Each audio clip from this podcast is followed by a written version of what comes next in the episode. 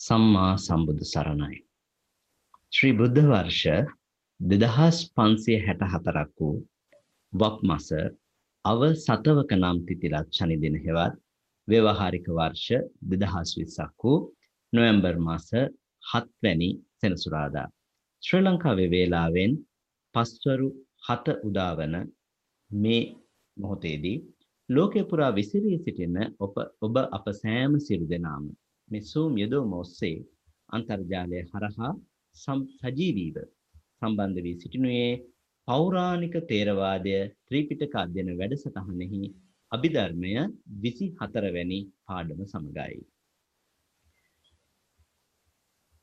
පුරා අඩවසකට අධික කාලයක් පුරාවටම වැඩසටහන් 23ක් තිස්සේ අප සමග සහ සම්බන්ධ වෙමින් පෞරාණික තේරවාදය ත්‍රීපිටක අධ්‍යයන වැඩසටහන ඔස්සේ චිත්ත කාණ්ඩය සම්පූර්ණයෙන්ුත් ඒ වගේම චෛතසික කාණ්ඩයට අයත් සර්වචිත්ත සාධාරණ චෛතසික දක්වාත් ඉගෙන කියාගත් සත්පුරුෂ හිතවතුනි.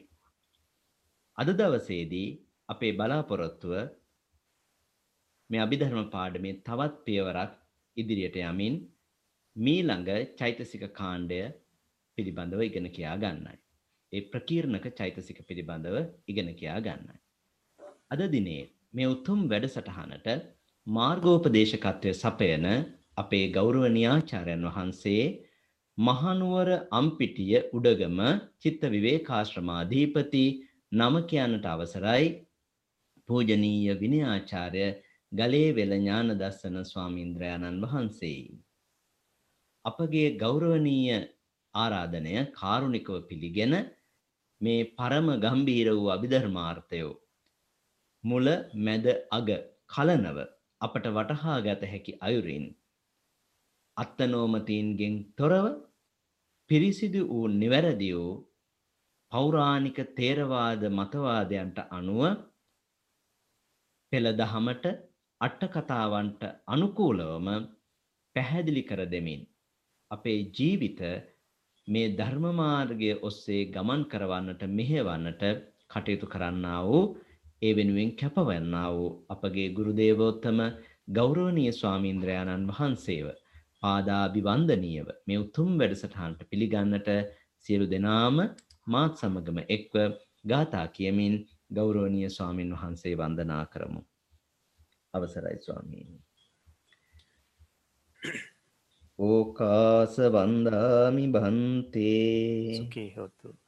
ඕකාස ద్వාරත්තයේන කතං සබ්බං අච්චයං කමත මේ බන්තේ මාමි කමිතබ්බ. සාදෝකාස කමාමි බන්තේ සුඛී හෝතු නිබ්බාන පච්චේ හෝතු. සබ්බ දුක්ඛා පමුච්චි ගෞරවනීය ස්වාමින් වහන්සේ අද දවසේ මේ පෞරාණික තේරවාදය ත්‍රිපිටක අධ්‍යයන වැඩසටහන තුලින් මේ අභිධර්මයේ ඉගෙන අභිධර්මයත් pāli භාෂාවත් ඉගෙන කියා ගන්නට ලෝකේ රටවල් ගණනාවක ඉඳලා බොහෝම පිරිසක් සහ සම්බන්ධ වෙලා සිටිනවා.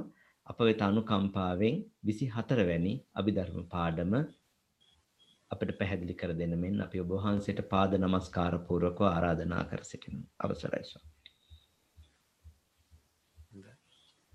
හොඳයි අපි කවුරුත් බුදුරජාණන් වහන්සේට වන්දනා කිරීම වශයෙන් নমස්කාර පාඨේ තුන් වතාවක් කියමු. නමෝ තස්ස භගවතෝ අරහතෝ සම්මා සම්බුද්දස්ස. නමෝ තස්ස භගවතෝ අරහතෝ සම්මා සම්බුද්දස්ස. නමෝ තස්ස භගවතෝ අරහතෝ සම්මා සම්බුද්දස්ස.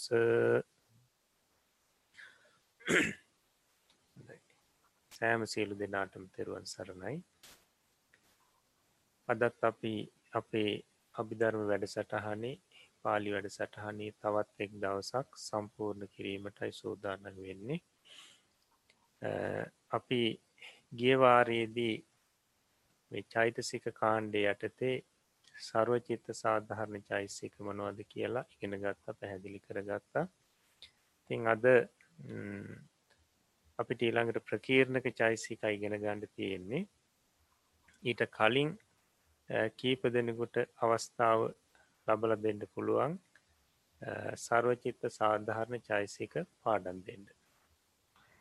බන්දුල පතිරණ මහත්මා සයිනන්ස. පස්සය වේදනාවය සංඥාවය චේතනාවය ඒකාග්‍රතාවය ජීවිතේන්ද්‍රිය මනසිකාරය දයි තව කවුරු හරි ඉන්නවන්න විපුල රාජපක්ෂ මහත්මා ස්වාමීන් වහන්ස පස්ස වේදනා සංඥා.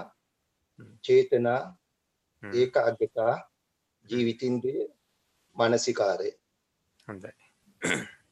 හොඳයි. එහෙමනම් අපි අද බලමු. අපිට අද තියෙන ප්‍රකීර්ණක චෛසික සම්බන්ධයෙන් ඉගෙන ගණ්ඩ අපි රූප සටහනකට අනුව බලමු ප්‍රකීර්ණක චෛසික මොනවද කියන එක.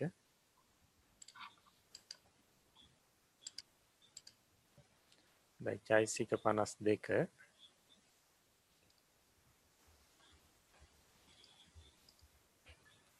ඔව්. චෛසික පනස් දෙක මූලිකවම කොටස් තුනකට බෙදෙනවා. අන්‍ය සමාන රාශිය අකුසල රාශිය එවගේම ශෝභන රාශය කියල. කොට අන්‍ය සමාන් රාශයට චෛසික දහතුනක් අයිති වෙනවා. අකුසල රාශයට චෛසික දාහතරයි ශෝභන රාශයට චෛසික විසි පහයි එතකොට අපිට මුලින්ම ඉගෙන ගණ්ඩ තියෙන්නේ අනි සමාන් රාශිය. ඒක දෙකට බෙදෙනවා. සර්වචිත්ත සාධහරණ චෛසික හත. ඊට පස්සේ ප්‍රකීර්ණක චෛසික හය. ට අපි ගියවාරයේදී සර්වචිත්ත සාධහරණ චෛසික හත ඉගෙන ගත්තා. අද එතකොට අපිට තියෙන්නේ යන්‍ය සමාන් රාශයේ ඉතුරු කොටස. ප්‍රකීර්ණක චෛසික හය ඉගෙන ගණ්ඩ අපි බලම් ප්‍රකීර්ණක චෛසික මොනවද කියල. විතක්කය විචාර අධිමොක්ක විරිය පීති චන්ද ට විතක්ක විචාර අධිමොක්ක විරිය පීති චන්ද මේ හය තමයි ප්‍රකීර්ණක චෛසික හය. එතකොට අ, පිරිසට මතක ඇති මේ ප්‍රකීර්ණක චෛසික කියන්නේ මොනවද කියන එක. අ, අපි මුලිනුත් පැහැදිලි කරා අර සර්වචිත්ත සාධාරණ චෛසික වගේ සෑම හිතක මිය දෙන්න නැතුව ශෝභන අශෝභන සිත්වල සුදුසු පරිදි විසිරී යෙදෙන චෛසිකවලට තමයි ප්‍රකීර්ණක චෛසික කියලා කිවේ. ට එබඳු චෛසික හයයි තියෙන. එතොට මේ චෛසික හය ඉගෙන ගත්තට පස්සේ අපි අන්‍ය සමාන රාශයට අදාළ අ, චෛසික සියල්ලම ඉගෙන ගත්ත වෙනවා. හොඳයි. අපි බලමු පාඩම. පාඩම ඔස්සේ අපි මේ අ, ප්‍රකීර්ණක චෛසික හය පැහැදිලි කර ගනිම තවදුරටත්. ලයි කියන්න. අවසරයි ස්වාමීන්. තුන්වන පාඩම ප්‍රකීර්ණක චෛතසික සය. විතක්කය විචාරය අධිමොක්කය විරිය ප්‍රීතියය චන්දය කියා ප්‍රකීර්ණක චෛතසික සයකි. විතක්කය. අරමුණ කරා යන අරමුණට නගින ස්වභාවය විතක්ක නම් වේ. විතර්කය අරමුණට පැමිණෙන කල්හි එය හා උපදනා චිත්ත චෛතසිකයෝද එය අනුව අරමුණට පැමිණෙති. එබැවින් චිත්ත චෛතසිකයන් අරමුණට පමුණුවන ධර්මය විතර්කයයිද කියනු ලැබේ. දුබල විතර්කය අප්‍රකටය. එය ප්‍රකට වන්නේ ඕනෑ කමින් විතර්ක උපදවන කල්හිය. කල්පනා කිරීම යැයි කියනුයේ එසේ කිරීමටය. එතෙක් සිත නොපැමිණි තැන්වලට පැමිණවීමට නොදත් දේ දැනගැනීමට කරන උත්සාහයට කල්පනා කිරීමයයි කියනු ලැබේ. විචාරය විතර්කය පැමිණි අරමුණ පිරිමදින ස්වභාවය විචාරය නම් වේ. මෙහි අදහස් කරන පිරිමැදීම අරමුණෙහි ඇතිල්ලෙන අරමුණෙහි පැතිරෙන ස්වභාවයය. විතර්ක බලයෙන් අරමුණට පැමිණියා වූ සිත ਵਿਚාරයේ බලයෙන් එහි පැතිරේ. ඔබා බලන්නාක් මෙන් කරයි. විතර්ක විචාර දෙකෙන් විතර්කය ඖදාහරිකය ਵਿਚාරය සියුම්ය. එය අප්‍රකටය. ඖදාහරික වූ විතර්කය ඝණ්ඨාවකට පළමුවන ගැසීම මෙන්ද. සියුම් වූ විචාරය පළමු ඇති වූ ඝණ්ඨානාදය අනුව පසුව ඇදෙන සියුම් හඬමෙන්ද දත යුතුයයි කියා තිබේ. මේ උපමාවෙන් විචාරය විතර්කයට පසුව ඇතිවන්නක් සේ හැඟෙන්න්නට පිළිවන. චෛතසික දෙකේ සැටි දැක්වීමට මේ උපමාව කියා ඇතිමුත් ඒ දෙක පෙරපසු නොවී ඒකක්ෂණයෙහි ඇතිවන ධර්ම දෙකක් සැටියට තේරුම් ගත යුතුය.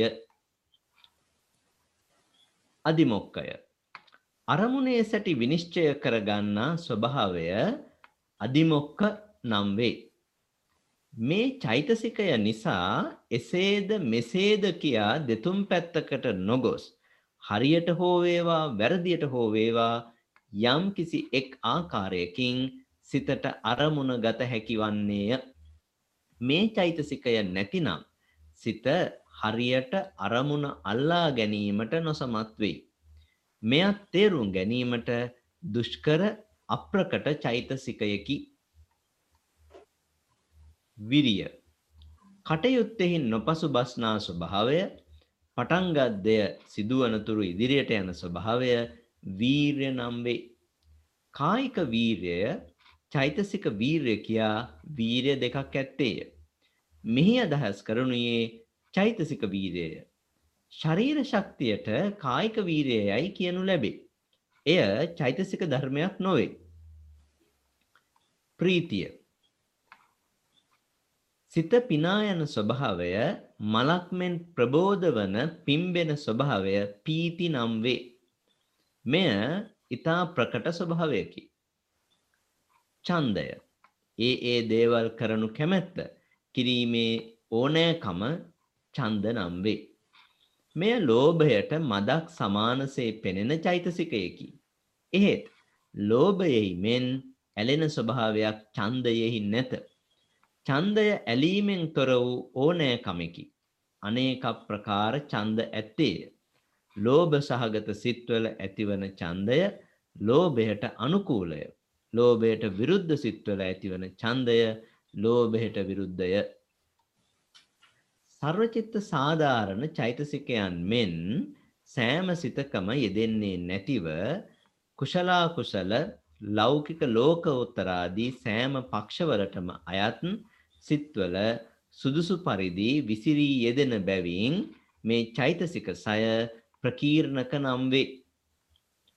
සර්වචිත්ත සාධාරණ චෛතසික සතය ප්‍රකීර්ණක චෛතසික සයය යන මේ චෛතසික තෙලෙස අකුසල රාශියය ශෝභන රාශිය යන දෙකට අයත් චෛතසිකයෝ හා යෙදෙන බැවින් අන්‍ය සමාන නම් වේ.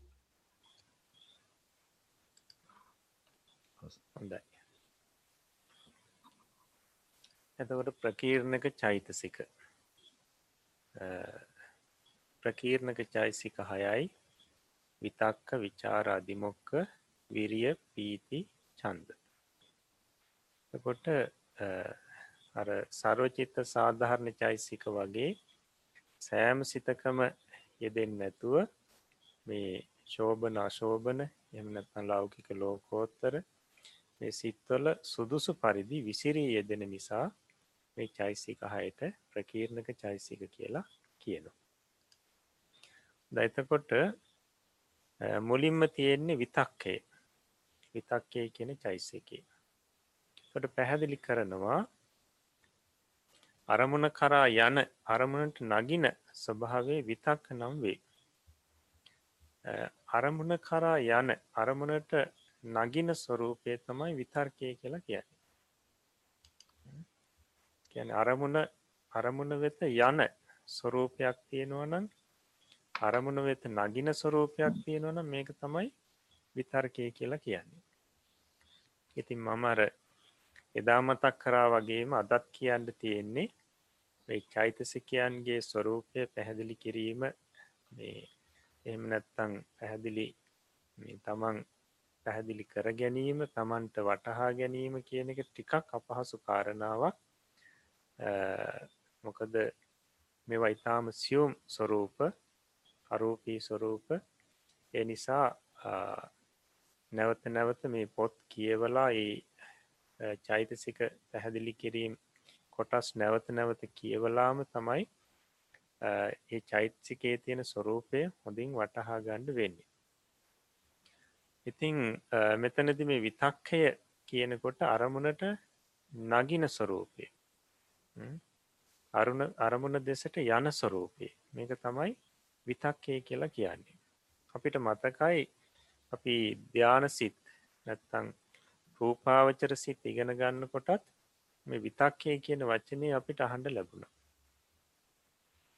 එතනේ කියන විතක්කයම තමයි මෙතනත් මේ කියන්නේ. අපි ඒ වෙලා විදි කිව අරමුණට මේ සිත නංවන ස්වරූපය විතර්කය කියලා. ඒ ස්වරූපයම ඒ චෛතසිකයම තමයි මේ කියන්නේ මෙතනදි පැහැදිලි කරන්නේ මේ අරමුණ කරා යන අරමුණට නගින ස්වරූපය විතර්කය කියලා. එතකොට මේ චෛතසිකය පහළ වෙන්නේ අරමුණ කරා යන ස්වරූපී. එතකොට මේ චෛතසිකයෙන් මේ චෛසිකයේ ස්වරූපය නැත්තම් මේ අරමුණ කරා යන ස්වරූපය නිසා මොක එතනදි සිද්ධ වෙන්නේ සිතත් සෙසු චෛතසිකත් මේත් එක්කම අරමුණ කරා යනවා. කොට තමනුත් විතක්කේ තමනුත් අරමුණ කරා යන අතරට තමන් හා එකට ඉපදුණු ධර්මත් අරමුණ කරා ගෙන යනවා. එනිසා තමයි අපි අර මුලින් පැහැදිලි කරේ රූපාවචර සිත් පැහැදිලි කරනකොට සිත අරමුණට නංවන ස්වරූපය විතර්කය කියලා. එතකොට විතර්කය අරමුණට පැමිණෙන කල්හි ඒ හා උපදනා චිත්ත චෛසිකයෝද එය අනුව අරමුණට පැමිණිති. විතර්කය අරමුණ කරා යන විට තමන් තනිව යන්න හැ සෙසු තමන් හා එකට ඉපදුණු නැත අපි කියනවා සහජාත කියලා. එකට උපන් කියන අර්ථයම තමා සහජාත කියන සහජාත සෙසු නාම ධර්ම නැතම් සෙසු චිත්ත චෛසික ධර්මත් මේ අරමුණ කරා යනවා. එතකොට මේක විතර්කය හරියට සහජාත ධර්මයන් අරමුණට නංවන ස්වරූපයක්. තමනුත් අරමුණ වෙතට යමින් සෙසු සහජාත ධර්මත් අරමුණ කරා යොමු කරන ධර්මය ධර්මයක් තමයි විතර්කය කියලා කිය. එබැවින් චිත්ත චෛස්්‍යකයන් අරමුණට පමුණුවන ධර්මය විතර්කය යයිද කියනු ලැබේ. දුබල විතර්කය අප්‍රකටේ මේ දුරුවල වූ විතර්කය ප්‍රකට නැහැ කියනවා. ඒ ප්‍රකට වන්නේ ඕනෑකමින් විතර්ක උපදවන කල්හිය. මේ විතර්කය ප්‍රකට වෙන්නේ ඕනෑකමින් විතර්ක උපදෝන කල්හි කියලා පැහැදිලි කරනවා. එතකොට මේ විතර්ක උපදෝනවා කියලා කියන්නේ කල්පනා කිරීමටම කියන තවත් නමක්. විතර්ක කරනවා කියලා කියන්න අපි කල්පනා කරනවා කියට. එතකොට මේ කල්පනා කිරීම කියලා කියන්නේ මොකක්ද එතෙක් සිත නොපමිණි තැන්වලට පැමිණවීමට නොදත්දේ දැනගැනීමට කරන උත්සාහයට කල්පනා කිරීම කියල කියනවා. එතෙක් සිත නොපමිණි තැන්වලට නොදත් දේවල්වලට නොදත් දේවල් දැනගැනීමට කරන උත්සාහයට කල්පනා කිරීම කියලා කියනවා. එතකොට විතර්කය කියලා කියන්නේ අරමුණට යන ස්වරූපය කොට අරමුණට යන ස්වරූපයම තමයි මේ කල්පනා කිරීම කියලා කියන්න. දැන් අපි කියන විතර්ක කරන්න එපා වැඩිපුර කියලා වැඩිපුර විතර්ක කරන්න එපා. එතකොට එතනදි කියවෙන්නේ කල්පනා කරන්න එපා වැඩි කියලා. එතකොට හොඳ එතකොට දැන් මේ විතර්කය පැහැදිලි කරන්න උපමාවක් දක්වනවා. උපමාවකින් මේක පැහැදිලි කරනවා. පිටිසර මනුස්සයෙක් පිටිසර ගමක මනුස්සයෙක් රජ ගෙදරට යන්ඩ යනවා. එතකොට මේ මනුෂ්‍යයට රජ ගෙදරට එක පාටම යන්න බෑ. රජ ගෙදරට යන්නට නම් රජතුමා අඳුරන්න රජ ගෙදරත් එක හිතවත් කෙනෙකුගේ මාර්ගයෙන් තම යන්ටෝ. එතකොට මේ පිටිසර ගමකින් ආපු මනුස්්‍යයා රජතුමාට නැත රජගෙදරට හිතවත් කෙනෙක්ගේ උපකාරයෙන් රජගෙදරට යනවා. එතකොට මෙතනදි මේ පිටිසර ගමක මනුෂ්‍යයා හා සමානයි සිත නැත්තන් සිත හා සෙසු චෛසික ධර්ම. එතකොට රජතුමාට හිතවත් තැනැත්තා හා සමානයි විතර්කී. රජගෙදර හා සමානයි අරමුණ. බලන්ඩ සිත නැත්තන් සිතත් එක්ක සම්ප්‍රයුත්ත සෙසු චෛසික ධර්මත් අර අරමුණ වෙතට යන්නේ විතර්කය උපකාරී. නැත්තං අපි උපමාවට අනුව ගත්තොත් පිටිසර මනුස්්‍යයා අර රජතුමාට හිතවත් තැනැත්තාගේ උපකාරයෙන් රජමැදුරට යනවා. තොට පිටිසර මනුස්්‍යයා නැමැති සිත සහ චෛසික ධර්ම විතර්කය නැමැති රජතුමාට හිතවතාගේ උපකාරයෙන් රජමාලිගාව නැමැති අරමුණට යනවා. තොට මෙන්න මේ උපමාවෙන් මේ විතර්කය පැහැදිලි කරනවා විතර්කය හරියට රජට හිතවතා වගේ ට රජට හිතවතාගේ උපකාරයෙන් අර පිටිසර මනුෂ්‍යයා රජවාසලට යනවා. එතකොට දැම් මේ පිටිසර මනුෂ්‍යයක් කීප වාරයක් අර රජතුමාට හිතවත් මනුෂ්‍යයාගේ උපකාරයෙන් රජගෙදරට ගියාට පස්සේ ඒ රජතුමාට හිතවත් මනුෂ්‍යයාගේ උපකාරයක් නැතුව ඊළඟට යන්නත් පුළුව මොකද දැන් හුරු වෙලා තියෙන්නේ. හුරු දුන්නම් අන්න ඒ වගේ මේ භාවනාවෙන් පුරුදු කරන හිතටත් පුළුවන් අර විතර්කය නැතුව අරමුණට යන්ඩ ඒ භාවනා බලේ අරමුණට යන්න පුළුව එතකොට අපිට මතකයි රූපාවචර ධ්‍යාන සිත් ගැන කතා කරනකොට ප්‍රථමධ්‍යාන සිතාපි කිව විතක්ක විචාර පීතිසුක ඒකාග්‍රතා සහිත ප්‍රථමධ්‍යාන සිත. එතකොට දැන් මේකෙදි විතක්කය කියන අන්ගේ තියෙනවා. හැබැයි දෙවැනි ධ්‍යානෙදී විචාර පීතිසු කේකාගතා සහිත දුති අධ්‍යාන සිත. අන්න විතර්කය නැහැදැයි. ඊළඟට තුන්වෙනි ධ්‍යාන සිතෙත් විතර්කය නෑ හතරනි ධ්‍යාන සිතෙත් විතර්කය නෑ පස්සනි ධ්‍යාන සිතෙත් විතර්කය නැහැ. එතකොට මේ එකම සිතකවත් විතර්කය ඇත්ති නැහැ. ප්‍රථමධ්‍යාන සිතේ පමණයි තියෙන. එහෙමනං ඉතුරු ධ්‍යාන සිත් සිත් නැත්තගේ සිත අරමුණට නැංවීමේදී මේ විතර්කය අවශ්‍ය වෙන්නේ නැහැ සිතට භාවනා බලයෙන් හිත හුරු කරලා තියෙන විතර්කය නැතු අරමුණට යන්න. හරියට අර කාලයක් රජගෙදරට අර රජුට හිතවතත් එක්ක ඉහිල්ල පුරුදුනාට පස්සේ හුරුනාට පස්සේ නැවත හිතවෙතෙක් අවශ්‍ය නැහැ යන්ඩ අන්න ඒ වගේ. එතකොට විතර්කයෙන් තොරව අරමුණට හිත නැගෙනවා. ඇතම් පටිභාග නිමිත්තට මේ සිත නැංවෙනවා. ඒ සිතේ බලයෙන්ම අරමුන්ට හිත නංවන්න පුළුවන්.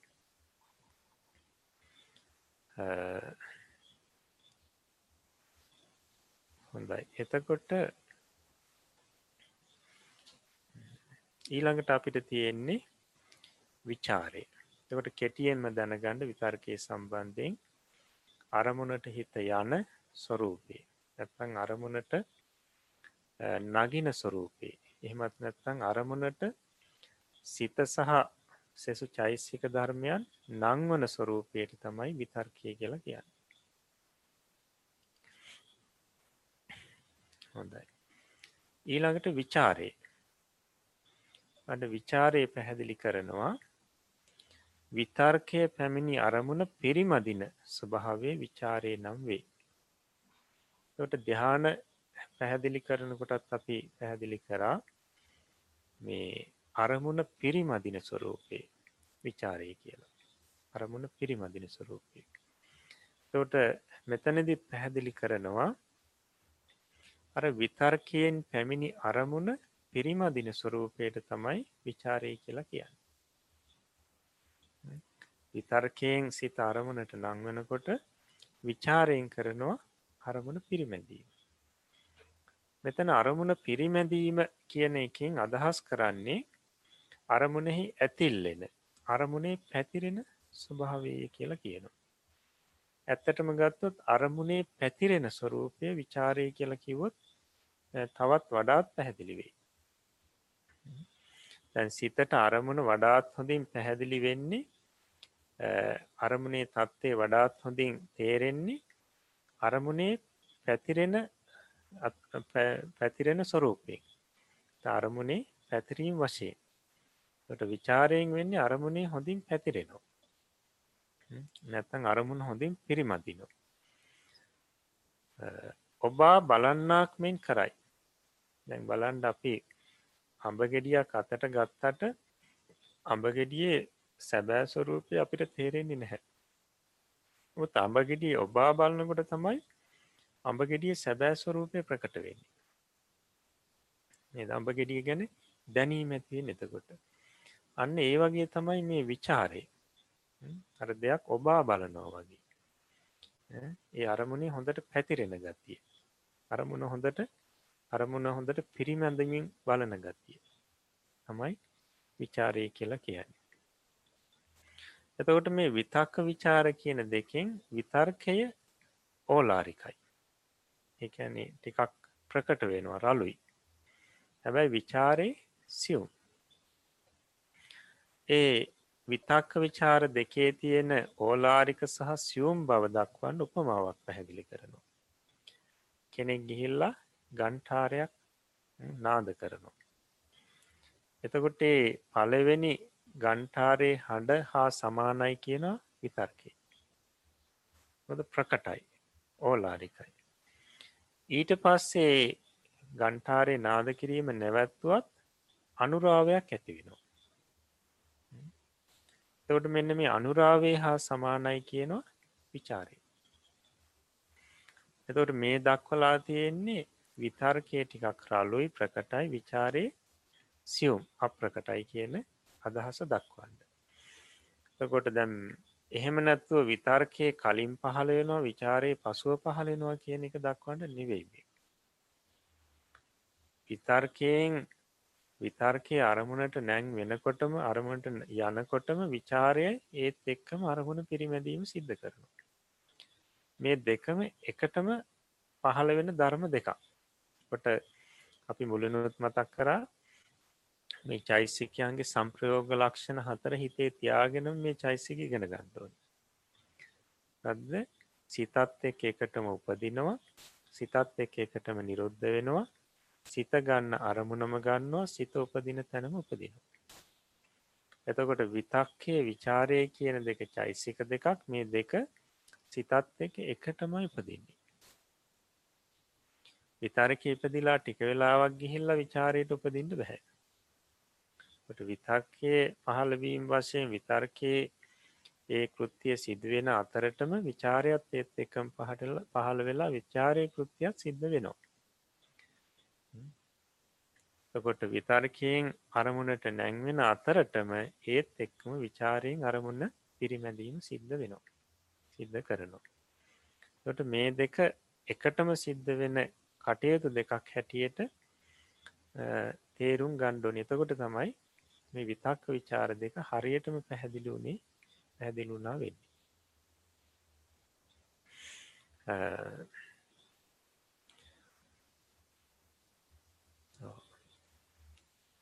එතකොට මතක තියාගණ්ඩ විචාරය කියල කියන්නේ අරමුණේ පැතිරෙන ස්වරූපය එහෙම නැත්තං අරමුණ පිරිමදින ස්වරූපය එහෙම නැත්තං අරමුණ ඔබා බලන්නාක් මෙන් ඒ පවතින ස්වරූපය ස්වභාවයට තමයි විචාරය කියලා කියන්නේ. හොඳයි. ඊට පස්සේ අධිමොක්කය අධිමොක්කේ වන්න මේකෙදි පැහැදිලි කරනවා අරමුණේ සැටි විනිශ්චය කරගන්නා ස්වභාවේ අධිමොක්ක නම් වේ අරමුණේ සැටි විනිශ්චය කරගන්න ස්වරූපයට කියනවා අධිමොක්කේ කියලා මේ චෛසිකය නිසා එසේද මෙසේද කියා දෙතුම් පැත්තකට නොගොස් හරියට හෝ වේවා වැරදියට හෝ වේවා යම් කිසි එක් ආකාරයකින් සිතට අරමුණ ගත හැකි වන්නේය. තොට මේ චෛතසිකයේ බලයෙන් මේ චෛසිකය නිසා ඒ අරමුණ සම්බන්ධයෙන් සෙලවෙන් නැතුව හරියට හෝ වැරදිවට හෝ අරමුණ ගණ්ඩ පුළුවන් කියනවා සිතට සිතට අරමුණ ගැනීමේ ඒ පහසුව සැලසෙනවා. මේ චෛසිකයේ නැතිනම් සිත හරියට අරමුණ අල්ලා ගැනීමට නොසමත් වෙයි. මේ චෛසිකයේ නැත්තන් සිතට හරියට අරමුණ ග්‍රහණය කරගන්න බැහැ කියලා කියන. බද අරමුණේ සැටි විනිශ්චය කිරීමක් අවශ්‍යයි සිතට අරමුණ ගණ්ඩ කියල පැහැදිලි කරනවා. මෙත් තේරුම් ගැනීමට දුෂ්කර අප්‍රකට චෛසිකයක් කියලා එතනදි පැහැදිලි කරලා තියෙනවා.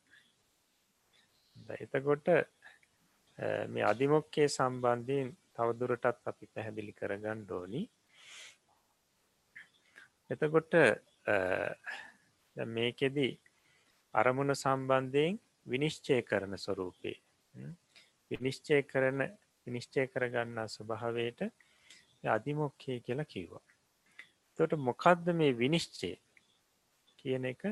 පැහැදිලි කරගත්තොත් අපිට මේ චෛසිකේ යම් පමණකට පැහැදිලි කරගන්න නැතන් චෛසිකයේ ස්වරූපය යම් පමණකට වටහා ගන්න පුළුව එතකොට දැන් සිතක් සිතක් පහළ වෙනකොට ඒ සිතට ගත හැකි අරමුණු බොහෝ ප්‍රමාණයක් තියෙනවා. අරමුණු බොහෝ ප්‍රමාණයක් තියෙනවා. එතකොට එකවරකදී සිතට එකාරමුණක් ගණ්ඩ පුළුවන්කමක් නැහැ. එක වරකදී සිතට එකාරමුණක් මේ එක වරකදී සිතට අරමුණු බොහෝ ප්‍රමාණයක්. එක වරකදි සිතට අරමුණු බොහෝ ප්‍රමාණයක් ගණ්ඩ පුළුවන්කමක් නැහැ. එක වරකදී සිතට එකාරමුණයි ගණ්ඩ පුළුවන්ගේ එතකොට පැහැදිලි කරනවා අන්නර සිතට එක වරකදී ගතයුතු අරමුණ නිශ්චය කිරීම මෙන්න මේ අධිමෝක්ෂයෙන් සිද්ධ වෙන එක් කටයුත්තක් කියලා අධිමෝක්ෂය පහළ වෙන්නේ අන්න ඒ ස්වරූපයට කියලා. අරමුණු බොහෝ ප්‍රමාණයක් ඇති වෙලාවෙදි සිතින් ගතයුතු අරමුණ නිශ්චය කිරීම වසේ නිසක කිරීම වශයෙන් මේ අධිමෝක්ෂය පහළ වෙන. ඒ අධිමෝක්ෂයේ කෘතියක් හැටියට දක්වනු. එතකොට් ඊළඟට තවත් ක්‍රමයකින් පැහැදිලි කරනවා. දැන් පිරිසට මතක ඇති අපි ඒකාග්‍රතා චෛසිකය ගැන සඳහන් කරනකොට පැහැදිලි කරා දැන් එක අරමුණක නමුත් සිතින් ගත හැකි ඒ අරමුණේ ආකාර ගණනාවක් තියෙනවා. එතකොට සිතට ඒ හැම ආකාරයක්ම එකවරකදි ගණ්ඩ පුළුවන්කමකුත් නැහැ. එකොට ඒ ගත හැකි ආකාරවල එකාකාරයක පිහිටීමක් සිද්ධ වෙන්නට ඕනි එහෙමුණොත්තම සිතට අරමුණ ගණ්ඩ පුළුවන් වෙන්නේ. එකොට ඒකාග්‍රතාවී කියලා කියන්නේ අන්නේ අරමුණ ගත හැකි අරමුණේ ගත හැකි ආකාරාතුරින් එක් ආකාරයක පිහිටීම කියලා පැහැදිලි කරා. එතකොට මෙතනදි මේ අධිමෝක්ෂය කියන චෛතසිකයක් පැදි පැහැදිලි කරනවා. අර විදිහටම අර මේ අරමුණේ අරමුණ සිතට ගත හැකි ආකාර ගණනාවක් තියෙන මේ අරමුණේ ඒ එක්ආකාරයක එක් ආකාරයක් සම්බන්ධය නිශ්චයක් තියෙන්ට ඕනි. සිතට අරමුණ ගන්නට නම් ඒ අරමුණ ගත හැකි ආකාරයන් අතරින් එකාකාරයක් සම්බන්ධය නිසක බවක් තියෙන්ඩෝනි මේ මේ ආකාරයටයි ගන්න කියලා විනිශ්චයක් තියෙන්ඩෝනි අන්නේ විනිශ්චය කරන ස්වරූපයට තමයි අධිමෝක්ෂය කියන්නේ කියලා තවත් ආකාරයකින් පැහැදිලි කරනවා. එතකොට අධිමෝක්ෂයෙන් ගත හැකි ආකාරය නිශ්චය කරනකොට ඒකාග්‍රතාවමකද වෙන්නේ? ඒ ස්වරූපය පිහිටනො ඒ ගත හැකි ආකාරයේ පිහිටනො එතකොට සිතට අරමුණ පහසුවෙන් ගණ්ඩ පුළුවන් අරමුණේ නොසෙල්වී අරමුණ ගණ්ඩ පුළුව ඊට පස්සේ තවත් ආකාරයක් පැහැදිලි කරනවා. අධිමෝක්ෂය සම්බන්ධය නැත්තං අධිමෝක්ෂය පහළ වෙන තවත් ආකාරයක්. එකන්නේ දැන් දන්දීමක් හෝ හෙමනැත්තම් ප්‍රාණගාතාදී ක්‍රියාවක් සිදු කිරීම් සම්බන්ධයෙන් සිතක් පහළ වෙනකොට ඒ කටයුත්ත කරනවද නැද්ද කියලා කියන්න ස්තිරතාවයක් නැත්තම් තන් දෙගිඩියාවක් නම් තියෙන්නේ ඒ ක්‍රියාව සම්පාධනය කිරීම සම්බන්ධයෙන් සිතට අරමුණ මනාව ගණ්ඩ හැකියාවක් නැහැකිනු. එතකොට අන්න අර අරමුණ සම් නැත්තන්ගේ ක්‍රියාව සම්බන්ධය ඒ සිතේ ඇතිවෙන දෙපැත්තට සෙලවෙන ගතිය දුරුකිරීම් වසයෙන් ඒ කටයුත්ත කිරීමේ නිසක බව නැත්තන්ගේ කටයුත්ත කිරීම සම්බන්ධයෙන් නිශ්චයක් ඇති කිරීම නිශ්චය ස්වරූපයෙන් පහළවීමත් මේ අධිමෝක්ෂයේ එක කෘත්තියක් හැටියට පැහැදිලි කරනවා. අපි කෙටියම කියනවනම් යම් කිසි ක්‍රියා සිද්ධියක් හොඳ හෝ එමනැත්තන් නරක හෝ ක්‍රියාවක් සිද්ධ කිරීමේදී ඒ ක්‍රියාව සිද්ධ කිරීම සම්බන්ධයෙන් නිසක භාවය නිශ්චය කරන ස්වරූපය අධිමෝක්ෂයයි කියලා පැහැදිලි කරන. තකොට ඉතාම සියුම් අධිමෝක්ෂය ඒ කෘත්තිය ඉතාම සියුම් එකයි කියන මේකත් තේරුම් ගැනීමට අපහසු මේ දුෂ්කර චෛතසිකයක් කියලා. ඉතිං ආකාර තුනකින් මෙතන පැහැදිලි කරා. පළවෙනි ආකාරය තමයි ඒ සිතට එක මොහොතකදී ගණ්ඩ පුළුවන්නේ කාරමුණයි ට අරමුණු විශාල ප්‍රමාණයක් එළඹ සිටීමේදී ගත යුතු ඒ මොහොතේදී සිත සිතින් ගත යුතු අරමුණ මේකයි කළ නිශ්චය කරන ස්වරූපයක් මෝක්ෂය. ඒවගේම එකාරමුණකදී නමුත් ගත හැකි ආකාරාතුරින් මෙන්න මේ ආකාරයෙනුයි ගන්නි කියලා නිශ්චය කරන ස්වරූපය අධිමෝක්ෂය ඒවගේම ක්‍රියාසාධනයේදී ක්‍රියාවක් සිද්ධ කිරීමේදී ඒ ක්‍රියාව සිද්ධ කරනවද නැද්ද කියන මේ දෙපැත්තට වැනෙන ස්වරූපයේ නැතුව ඊට විරුද්ධ ස්වරූපය වන ඒ සම්බන්ධයෙන් කිරීම සම්බන්ධයෙන් නිසක වන නැත්තං නිශ්චිත වන ස්වරූපයට නැත ඒ ස්වරූපයෙන් පහළ වෙන චෛතසිකයට කියනවා අධිමෝක්ෂය කියලා. එතකොට මේ කියපු කාරණාව නැවත නැවත මේ අපි කල්පනා කරනකොට අපට යම් පමණකොට ඔය අධිමෝක්ෂය චෛසිකේ මෙන්න මේ ස්වරූපයේ ධර්මයක්ය කියන එක පැහැදිලි කරගන්න පුළුව. එනිසා තමයි නැවත නැවතක් කියන්නේ නැවත නැවත මේ කොටස් කියවන්ඩ කියවනකොට තමන්ට යම් පමණකට මේ චෛසික සම්බන්ධයෙන් පැහැදිලි වීමක් ඇතිවෙයි. හොඳයි. ඊට පස්සේ අපිට තියෙන්නේ බලන්ඩ විරිය විරිය චෛසිකේ එන පැහැදිලි කරනවා කටයුත්තේ නොපසු බස්නා ස්වභාවේ පටන්ගත්දේ සිදුවන තුර ඉදිරියට යන ස්වභාවේ වීරිය නම් වේ. එකොට කටයුස්තක නොපසු බස්නා බව කටයුත්තක් කරනකොට එහි නොපසු බස්නා බව වීරිය. එහෙම නැත්නම් පටන්ගත්දය සිදුවන තුර ඉදිරියට යන ස්වරූපය වීරයයි කියලා කියන. ඊට පස්සේ කායික වීරය චෛතසික වීරය කියා වීරිය දෙකක් ඇත්තේ. කායික වීරිය පස්සේ චෛතසික වීරිය දෙකක් තියෙන. එතකොට දැම් මෙතනදි මේ ප්‍රකීර්ණක චෛතසිකවලදී අදහස් කරන්න චෛතසික වීරිය කායික වීරිය නෙවේ. ශරීර ශක්තියට තමයි කායික වීරිය කියලා කියන්නේ. ශරීර ශක්තියට කායික වීරිය කියන. එක චෛතසික ධර්මයක් නෙවේ. චෛසික ධර්මයක් නෙවී.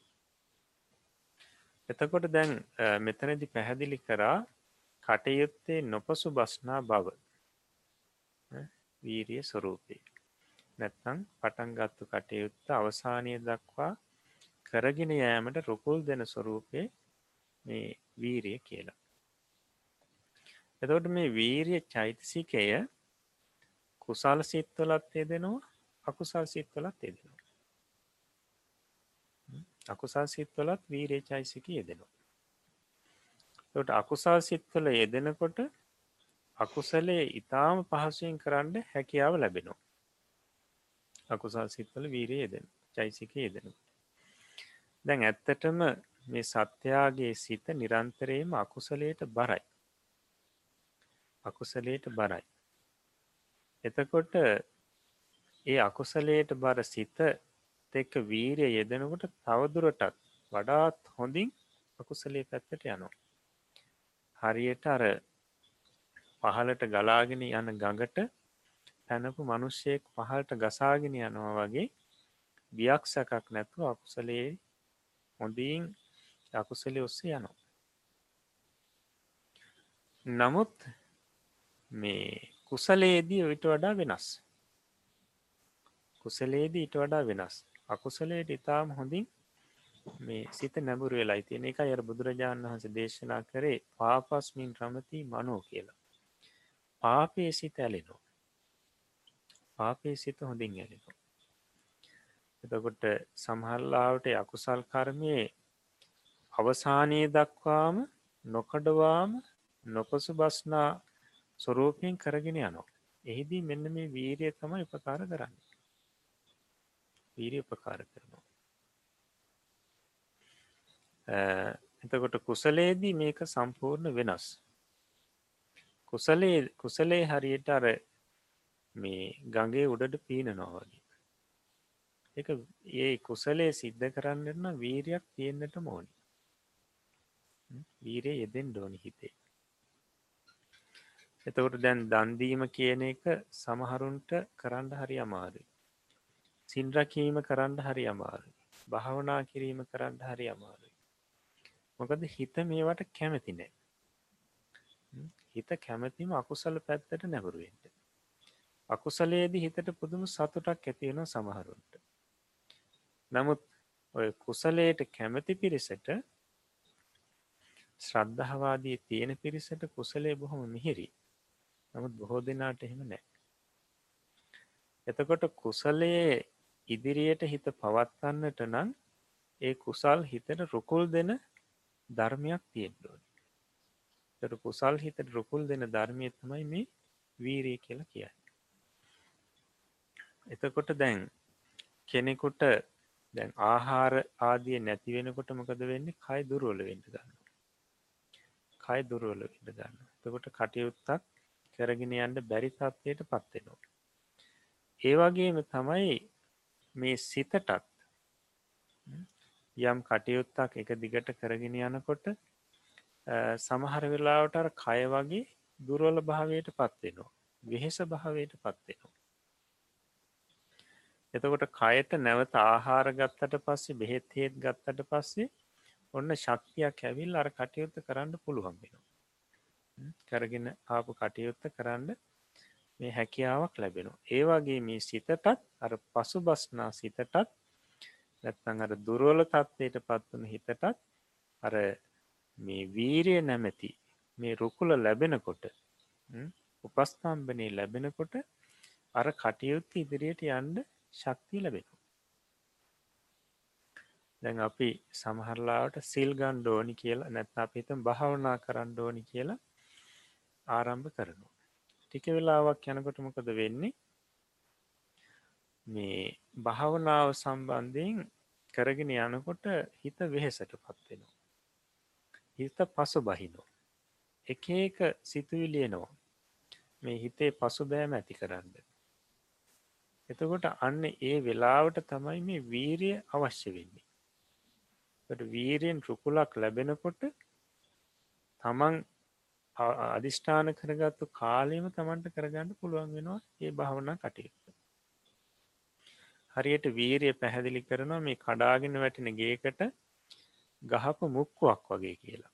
ගහන මුක්කුවක් වගේ. එකොට ඒකෙන් තම කඩාවැට් නොවැටි ගේ පවතින්නේ. ඒවගේම පසු බහින හිතට අර මේ ගහපු ගෙට ගහපු මුක්කුව හා සමානයි මේ වීරේ එතකොට හිත පසු බහින් නැතුව කටයුත්ත ඉදිරියට යනවා. ඒ අවසානය දක්වා මේ කටයුත්ත කරගන්න පුළුවන්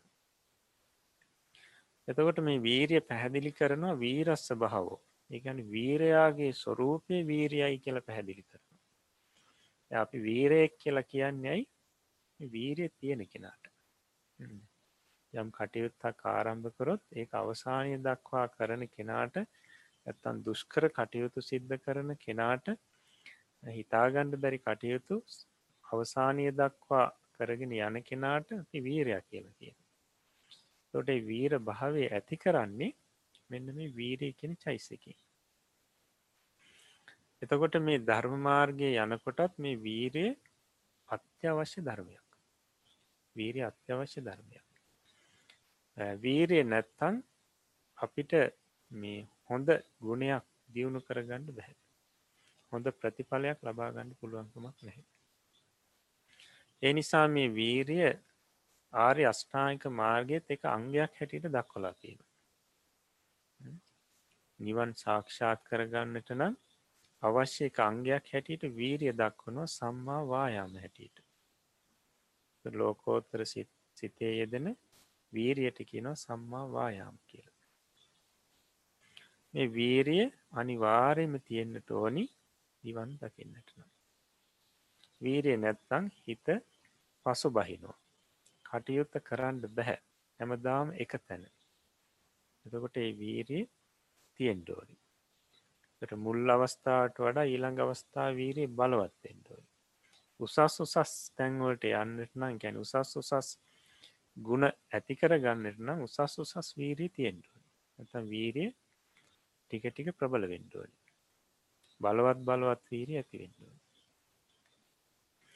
දැන් අර අපි එක දවසකුත් පැහැදිලි කරා මේ ආරම්භ ධාතු නික්කම ධාතු පරක්කම ධාතු කියලා. වීරී ආකාර තුනක්. ආරම්භ ධාතු කියලා කියන්නේ මේ මුලින්ම ඇතිවෙන වීරියට යමක් කරණ්ඩෝනි කියලා වීරයක් ඇතිවෙන එතකොට සමහරුන්ට වීරිය ඇතිවෙලා එතනීම නවතිනවා ඉදිරියට යන්න ඊළඟට නික්කම ධාතු කියලා කියන්නේ මේ කුසීතාදී බවින් නික්මීන් වසයෙන් පහළ වෙන මුල්වීරයට වඩා බලවත් වීරිය. ඊළඟට පරක්කම ධාතු කියලා කියන්නේ උසස් උසස් තැන්වලට පැමිණවීම් වසයෙන් පහළ වෙන බලවත් වීරිය. තන් ධ්‍යාන මාර්ග පලාදියට පත්වීමට තරම් බලවත් වීරිය. පරක්කම වීරී කියල පරක්කම ධාතු කියලා කියන. එතකොට මේ වීරියත් එක එක මට්ටන් තියෙන. දුරුවල වීරිය ඊට වඩා බලවත් වීරිය ඊටත් වඩා බලවත් වීරිය ඊට පස්සේ නිවන ප්‍රත්‍යක්ෂ කිරීමට තරම් බලවත් වීරී අන්නේ වීරියට කියනවා සම්මා වායාම කියලා.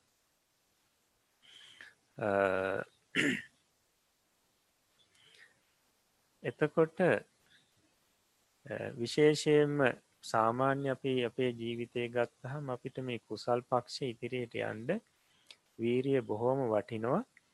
ඒ වීරිය නැතිවෙනකොට තමයි අපි ඒ ගමන මගක් ගිහිල නවත්තන්නේ. අපි සමහරලාට වැඩ සටහනක් ආරම්භ කරත් කෙටි කාලයක් යනකොට බොහෝ දෙනෙ එකකින් අයින් වෙනවා. අවසානය දක්වාම ඉන්නේ කිහිප දෙනයි. ට අවසානය දක්වා මේ යන්ඩ වීරිය තියෙන්නේ කිහිප දෙනකොට. කිහිප දෙනකොටයි වීරිය තියෙන්නේ. ඉතින් මේ නිවන් ගමන වෙන්න මේ විදිහම තමයි.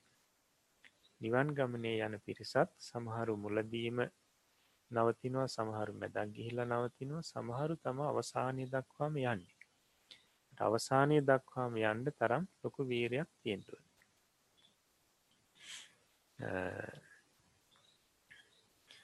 එතකොට දැන් සිල් සමාදන්වීම අපි ගම්මකු අද දවසම සිල් සමාදන් වෙලා ඉන්නවා කියන අධිෂ්ඨානයෙන් සමාදන් වෙනවා.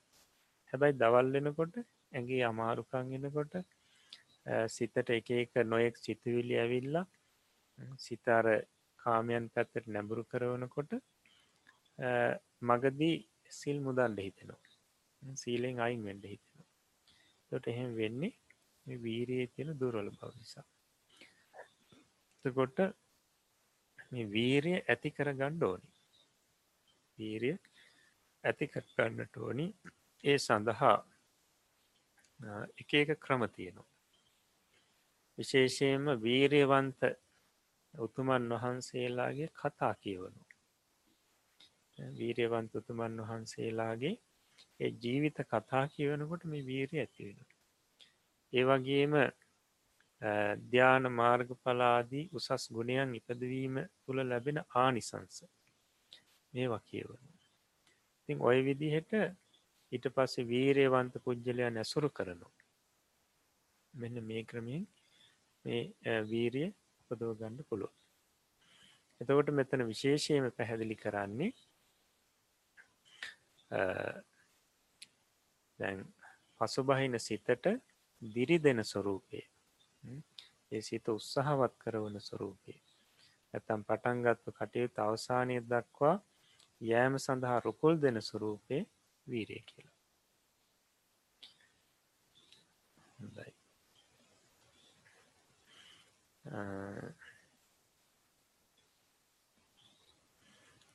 එතකොට පැහැදිලි කරා මේ කායික ශක්තියටත් වීරය කියලා කෙන එක කායික වීරය. කායික වීරය. එතකොට ඒ අපි වෙන් කරලා දැන ගණ්ඩෝනි කායික ශක්තියට වීරය කියලා කියන එක කායික වීරය. නමුත් මෙන්න මේ මෙතනදි අදහස් කරන වීරී ඉට වඩා වෙනස් මේක චෛතසික වීරී හොඳයි. එතකොට අර වීරය චෛසිකය තමයි සම්මා වායාමය කියන්න. ඒ වගේම තමයි අපි මුලින් කතා කරපු විතක්ක චෛසිකය තමයි ලෝකෝත්තර සිත්වල යෙදෙන අවස්ථාවිදි කියන්නේ සම්මා සංකප්පය කියලා. සම්මා සංකප්පය කියලා කියනවා විතර්ග චෛසිකයට. අපිට ඒව පසුව තවදුරටත් ඉගෙන ගණඩ පුළුවන් ආරි අෂ්ඨානික මාර්ග පැහැදිලි කරගන්නකොට. හොඳයි. ඊට පස්සේ අපි බලමු පීතිය. ඊළඟ චයිසික පීතිය එම නැත්තා අපි සිංහලෙන් කියනවා ප්‍රීතිය කියලා සිත පිනායන ස්වභාවේ මලක්මෙන් ප්‍රබෝධ වන පිම්බෙන ස්වභාවේ පීති නම් වේ මේ ඉතා ප්‍රකට ස්වභාවයකි. සිතේ පිනායන ස්වරූපයට තමයි ප්‍රීතිය කියලා කියන්නේ. නැත්තම් මලක් වගේ ප්‍රබෝධ වෙන ස්වරූපයට ප්‍රීතිය කියලා කියනවා. නිකං සිත පුබුදුවන ස්වරූපයට ප්‍රීතිය කියලා කියන මේ ප්‍රීතිය කියන එක බොහොම ප්‍රකටයි. ප්‍රීතිය බොහොම ප්‍රකටයි. මේ ප්‍රීතිය පහළ වෙන්නේ සෝමනස්ස සහගත සිත්වල සෝමනස්සේ අනිවාර්යම අවශ්‍යයි ප්‍රීතිය පහළ වෙන්ඩ. එතකොට දැන් සෝමනස්සේ කියලා කියනකොට වේදනාව වේදනා චෛසික එක පැතිකඩා. ප්‍රීතිය කියනකොට මේ ප්‍රීති කියන චෛසයකි මේ දෙකේ වෙනස අපි තේරුම් ගණ්ඩ ඕනි. සිතේ පිනායන ගතිය තමයි ප්‍රීතිය කියන චෛසිකේ ඊට පස සෝමනස්සේ කියලා කියන්නේ ඉෂ්ට අරමුණේ රසය විඳින ස්වරූපය ඉස්ටාරමුණේ රසේ විදින ස්වරූපයට කියනවා මේ සෝමනස්සේ සෝමනස්සේ කියල ට සෝමනස්ස සහගත සිත්වල තමයි ප්‍රීතිය කියන චෛසිකය පහළවෙන්නේ මෙන්න මේ ප්‍රීතිය නැවත නැවත පහළ වෙනකොට මොකද වෙන්නේ බාහිර ඉන්න කෙනාටත් මේ ප්‍රීතිය කියන ස්වරූපය ප්‍රකට වෙනවා. ද ප්‍රීතිය වැඩිවෙන් වැඩිවෙන්ඩ කය සෙල වෙන්ඩ ගන්න. ඊට පස්සෙමකද වෙන් සිනහ ඇතිවෙන්ඩ ගන්න. සමහරු නටන්ඩ ගන්න. ඒ ප්‍රීතිය බලපෑමේ. සිතේ පිනායන ස්වරූපය නිසා තමයි සිනහාව ඊට පස්සේ දැඟලීම නැටීම ඒව ඇතිවෙන්නේ. කොට සෝමනස්සේ ස්වරූපය තමයි අරමුණේ මිහිරි බව කියන මෙන්න මේ රසේ විදින ස්වරූපය ඒක උපමාවකින් දක්ව නමකද මේ සෝමනස්සේ සහ ප්‍රීතිය කියන දෙක ටිකක් සමීප ගති තියෙන ස්වරූප දෙකක්. එක උපමාවකින් පැහැදිලි කරනවා මේ කාන්තාරේ යන තැනැත්තෙකුට ආරංචියක් එනවා. නැත්තං කෙනෙක් ඇවිල්ල කියනවා දැමයා බොහෝම පිපාසිතව ඉන්නේ කුසගින්න ඉන්නේ වතුර ටිකක් නැහැ. තින් කෙනෙක් ඇවිල්ල කියනවා තව සැතකුමක් ඉස්සරහට යනකොට විලක් තියෙනවා කිය එතකොට අන්න ඒක ඇසීම තුළදී ඇතිවන අර පිනායන ගතිය ප්‍රීතිය කියලා කියන්න. ඊට පස්සේ වතුර මේ විලළඟට ගිහිල්ල වතුර පානය කරනකොට දැනෙන සුවේ තමයි සෝමනස්සේ කියලා කියන්න. කියන. තකොට ඒ වෙලා වෙන්නේ අරමුණේ රසේ විඳින ස්වරූපය සතුට. එතකොට දැ මේකින් අපිට පැහැදිලි වෙනවා ප්‍රීතිය කියන්නේ මොකක්ද? ඊට පස්සේ සෝමනස්සේ කියන්න මොකක්ද කියන එක. අරමුණේ මිහිරි බව නම් වූ රසේ විඳින ස්වරූපය සෝමනස්සේ. ඊට පස්සේ ඒ විඳීම නිසාම තමයි මේ ප්‍රීති ඇති වෙන්නේ. අරමුණේ මිහිරි ස්වරූපය මිහිරි රසේ විදීම නිසාම එහි පිනායම් වසයෙන් ප්‍රීති ඇති වෙන ප්‍රීතිය බලවත් වෙනකොට සිනහව ඉටස්ස ශරීරයේ දැඟලීම ඉට පසින් නැටීම් ආදී ඇති වෙනවා. හොඳයි. එතකොට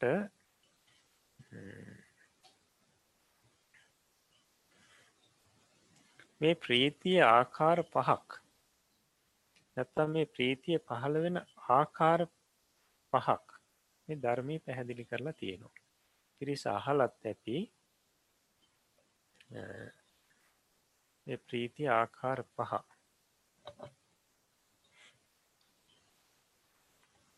එතට පළවෙනි එක පැහැදිලි කරනවා කුද්ධික ප්‍රීතිය කියලා. කුද්ධික ප්‍රීති. අපිට ධර්මය තියෙන හැටියට මයක පැහැදිලි කරලා දෙන්නම්.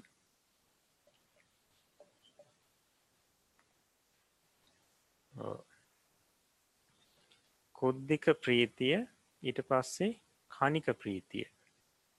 ඊට පස්ස ඔක්කාන්තික ප්‍රීති ඊට පස්සේ උබ්බේග ප්‍රීති ඊට පස්සේ පරණ ප්‍රීතිය. තමත් පංචාකාර ප්‍රීතිය. පලවෙනි එක කුද්ධික ප්‍රීතිය.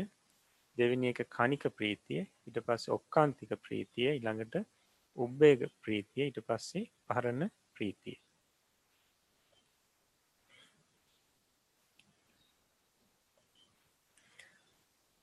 එතකොට මේ කුද්ධික ප්‍රීතිය කියන්නේ මොකක්ද කියන එක පැහැදිලි කරනවා.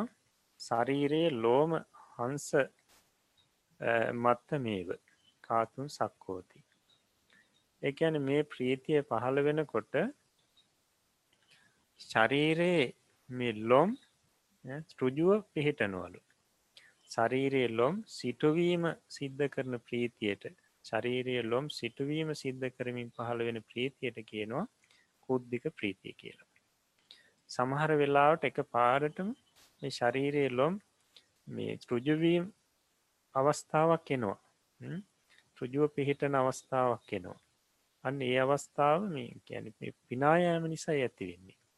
ඒකට කියෙන කුද්ධික ප්‍රීතිය කියලා. මේ ප්‍රීතිය දිගට පවතින් නැහැ කියනවා. වරක් පහළ වෙලා එහෙමම නැතිවෙලා යනවා. වරක් පහළ වෙලා එහෙම නැතිවෙලා යනවා. ඊට පස්සේ කනික ප්‍රීතිය. කනික ප්‍රීතිය කියලා කියන්නට කුද්ධික ප්‍රීතිය වගේ එක පාරක් පහලලා නැතිවෙන්න හැ හරියට ආකාසේ විදිලි කොටනෝ වගේ නැවත නැවත පහළ වෙන එකන්නේ පහළ වෙනවා පොඩි වෙලා වයි තියෙන්නේ නැතිවෙනවා නැවතයි පහළ වෙන නැවත නැවත පහළ වෙනවා. අන්න එහෙම පහළවීම් වශයෙන් පවතින ප්‍රීතියට කියනවා මෙතැනදී කනික ප්‍රීතිය කියලා. ඊට පස්ස ඔක්කන්තික ප්‍රීතිය.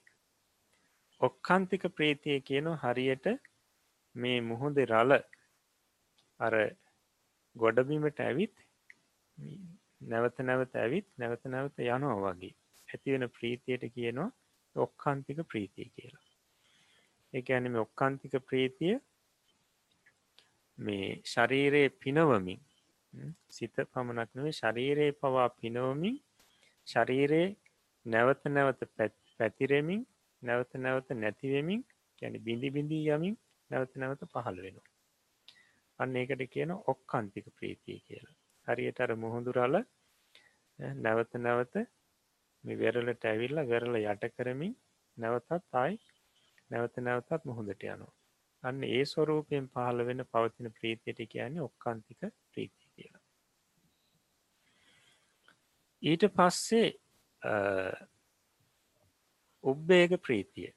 උබ්බේග ප්‍රීතිය කියලා කියන්නේ හරියට සුළඟින් පුළුම් පෙදක් ඉහලට ඔසෝනෝ වගේ මේ ශරීරය ඉහලට ඔසවන්ඩ සමර්ථ ප්‍රීතියට කියන උබ්බේග ප්‍රීතිය කියලා. උබ්බේග ප්‍රීතිය. එතකොට මේ උබ්බේග ප්‍රීතිය ඇතිවුණු අවස්ථා උබ්බේග ප්‍රීතිය ඇතිවුණු අවස්ථා කීපයක් මේ ධර්මය සඳහන් කරලා තියෙනවා. එක අවස්ථාවක් පැහැදිලි කරන මේ ලංකායම සිදුවුණු සිදුවීම පුන්නවල්ලික වාසී මහා තිස්ස තෙරුන් වහන්සේගේ සම්බන්ධයෙන් කතාවක්. උන්වහන්සේට මේ උබ්බේග ප්‍රීතිය ඇතිවුණු අවස්ථාවක් ගැන සඳහන් කරනවා.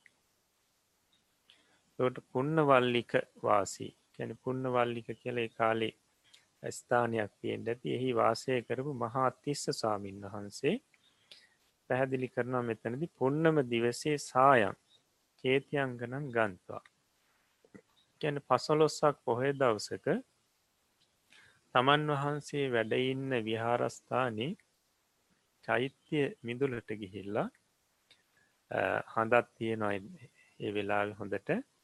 එතෙන්ට ගිහිල්ලා මේ මහා චේතියාභිමුකහොත් අයි කියන්නේ මහා චෛත්‍යයට අභිමුක වෙලා.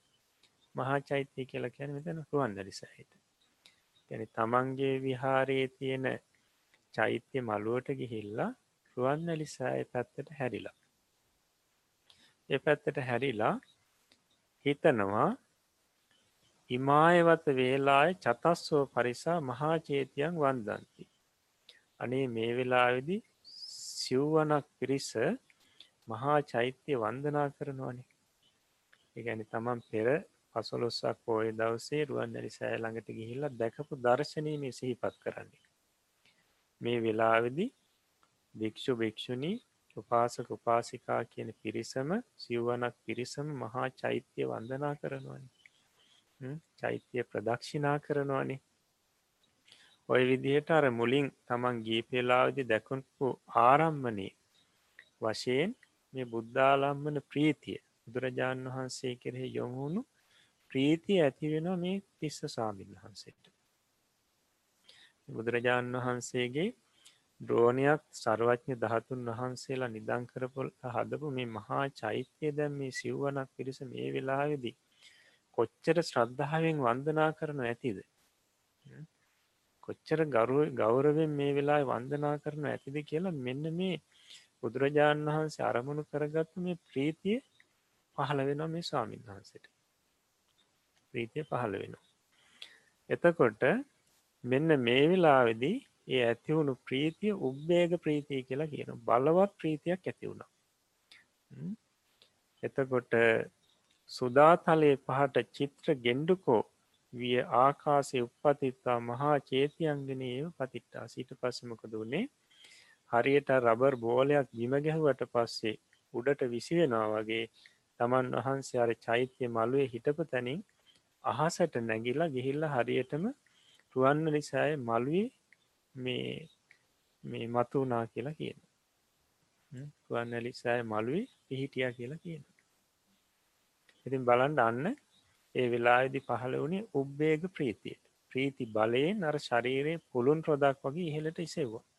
ඔසවලා තමන් අරමුණු කරපු තැන්ට අරගෙන යනවා. මේ අපේ ලංකාවේ සිදුවුණු සිදුවීමක් තිස්සත් තෙරුන් වහන්සේට.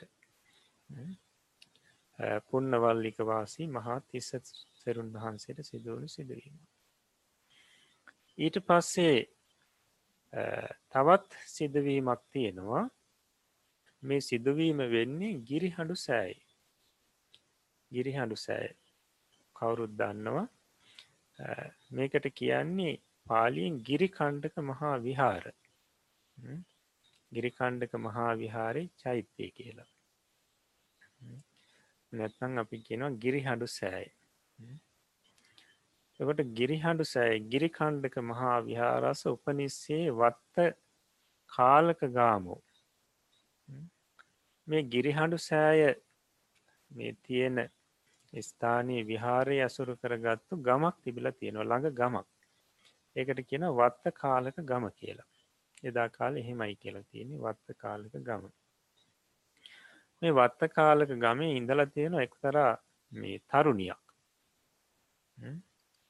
මේ තරුණිය ඒ වෙනකොට ගැබ්බරෝ ඉඳලා තියෙන්නේ. දරුවෙක් ලැබෙන් ඉඳලා තියෙනවා. ඉතිං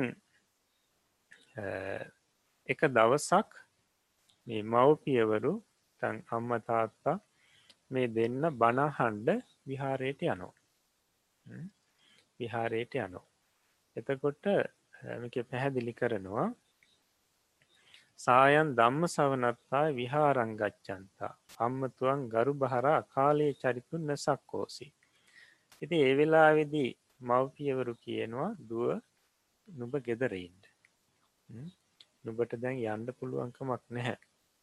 ඉතින් අද නිධර්ම දේශනාව විහාරි තියෙන්නේ. අනික චෛත්‍යයටත් යවෙනවා. ර චෛත්‍යය පඩිපෙල් නැගගෙන නුබට යන්න බැහැ. එනිසා නුබ ගෙදරට වෙලා ඉන්ඩ මයන් තුයිහම් පත්තිං කත්තා දම්මන් සොස්සාම.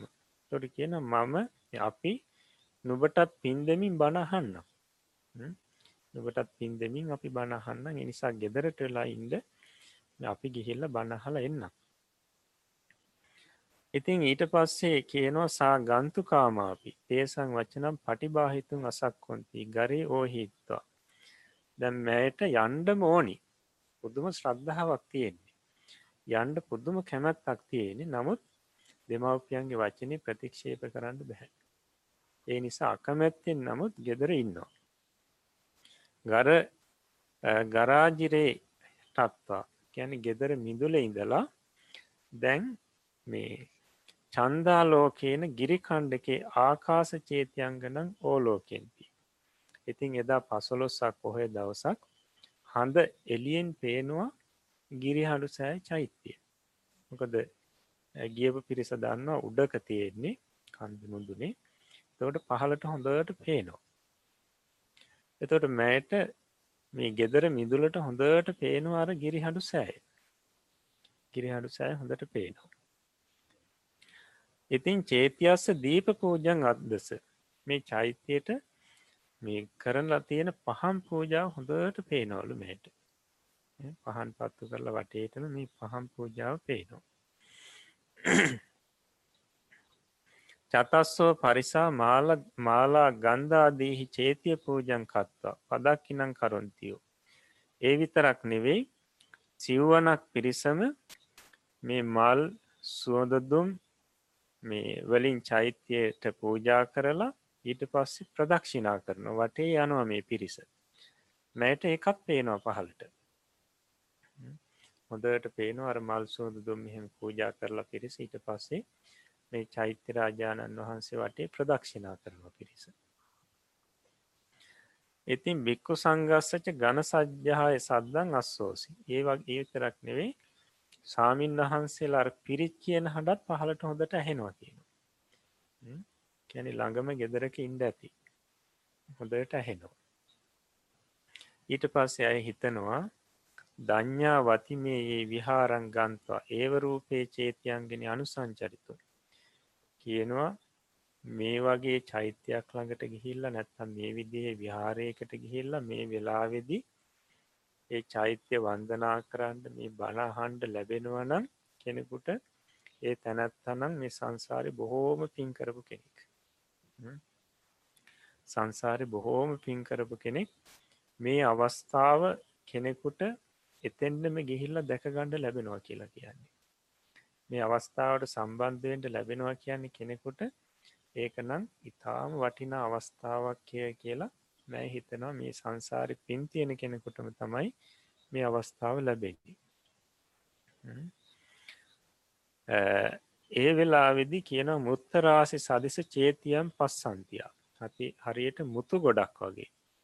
මුතු කැට ගොඩක් වගේ චෛත්‍යය පේනවලු මැයට. තාම අලංකාරුවත් ඉදිට පේනවලු. ඒ උබ්බේග පීති උදපාදී. අන්න ඒ වෙලාම මැයට උබ්බේග ප්‍රීතිය හටගන්න උබ්බේග ප්‍රීතිය හටගන්න අර බලවත් ශ්‍රද්ධාව නිසා. ශ්‍රද්ධාව නිසා මේ ප්‍රීතිය හටගන්නවා. ඊට පස්සේ සා ආකාසේ ලංගිත්වා මහා මාතාපිතුන්නම් පුරිම තරංගේ ආකාස චේතියන්ගෙන ඕරුයිහ. අන්න අර උබ්බේග ප්‍රීතිය ඇතුනාට පස්සෙ මැය අහසට නිකං අර අහසට අරගෙන ගිහිල්ල අහසිංම අරගෙන ගිහිල්ල චෛත්‍යය මළුවම මේ පිහිටිය කියලා කියන චෛත්‍ය මළුවට බැස්සරි හරිටර ප්‍රීතියෙන් ඔසවාගෙන ගිහිලා චෛත්‍ය මළුවේ තිබ්බ වගේ නෑ චෛත්‍ය මළුවල දැඟන්නේ ඉතින් ඊට පස්සේ චේතියන් වන්දිත්වා දම්මන් සුනමාන අට්ටාසිමයි චෛත්‍ය මළුවට ගිහිල්ලා චෛත්‍ය වන්දනා කරලා බනත් අහමින් දැඟින්නහොල් තාම අම්ම තාත්ත ඇවිල්ල නැහැ. ඊට පස්සේ මව්පිය ඇවිල්ලා මැයි දැකලහනවා කොහොමද මෙහිට ආවේ? කොයි පාරින් දාව කියලා? ඒ වෙලා විදි කියනවා ආකාසේ නාගතාම්හි මම අහසින් ආවේ. ඒ වෙලාවෙ කියන අහසින් එන්න මේ ඉරදිලාබි උතුමන් වහන්සේලා නුඹ කොහොම දාවේ අන්න ඒ වෙලා විදි කියනවා මම බලවත් ශ්‍රද්ධාවෙන් යුතුව මේ චෛත්‍ය දිහා බලාගෙන හිටිය. මට බලවත් ප්‍රීතියක් ඇතිවුණ ඊට පස්සේ මේ මම හිටගෙන හිටියද ඉඳගෙන හිටියද කියලවත් මට ගානක් නෑ මම ඇවිල්ල මේ චෛත්‍ය මළුවේ මේ අවසානය බලකොට හිටිය. චෛත්‍ය මලුව පිහිට ඇවිල්ල. ඉතිං මේ මෙන්න මේක තවත් මේ උබ්බේග ප්‍රීති ඇතිවුණු අවස්ථාවට එක කතාවක්. එතකොට මේ ගිරිහඩු සෑයි සිදුවුණු සිදුවීමක් නැය අර උබ්බේග ප්‍රීති ඇතුනාට පස් ඔසවාගෙන ගෙනල්ලා චෛත්‍ය මලුවී ලැබුව. හොඳයි. ඊට පස්සේ පරණ ප්‍රීතිය කියන්නේ අවසාන ප්‍රීතිය අවසාන අවස්ථාව. පරණ ප්‍රීතිය කියලා කියන්නේ මේ ශරීරයේ මුළු ශරීරයම පැතිරී පවත්නා. මුළු ශරීරයම අතරක් නෑර නැත්තං අතුරු සිදුරු නැතුව මුළු ශරීරයම පැතිරෙන බලවත් ප්‍රීතියට කියන පරණ ප්‍රීතිය කියලා. එතකොට මේ පරණ ප්‍රීතිය ඇතිවෙන්නේ විශේෂයෙන් ඔන්න ධ්‍යාන අවස්ථාවලදී. ධ්‍යාන අවස්ථාවද ඇතිවෙන ප්‍රීතියට කියනවා පරණ ප්‍රීතිය කියලා.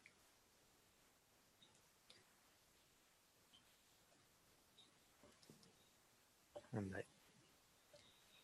එතකොට ප්‍රීතියේ ආකාර පහතම අපි පැහැදිලි කරේ. පුද්ධික ප්‍රීතිය කනික ප්‍රීතිය ඔක්කාන්තික ප්‍රීතිය උබ්බේග ප්‍රීතිය සහ පරණ ප්‍රීතිය.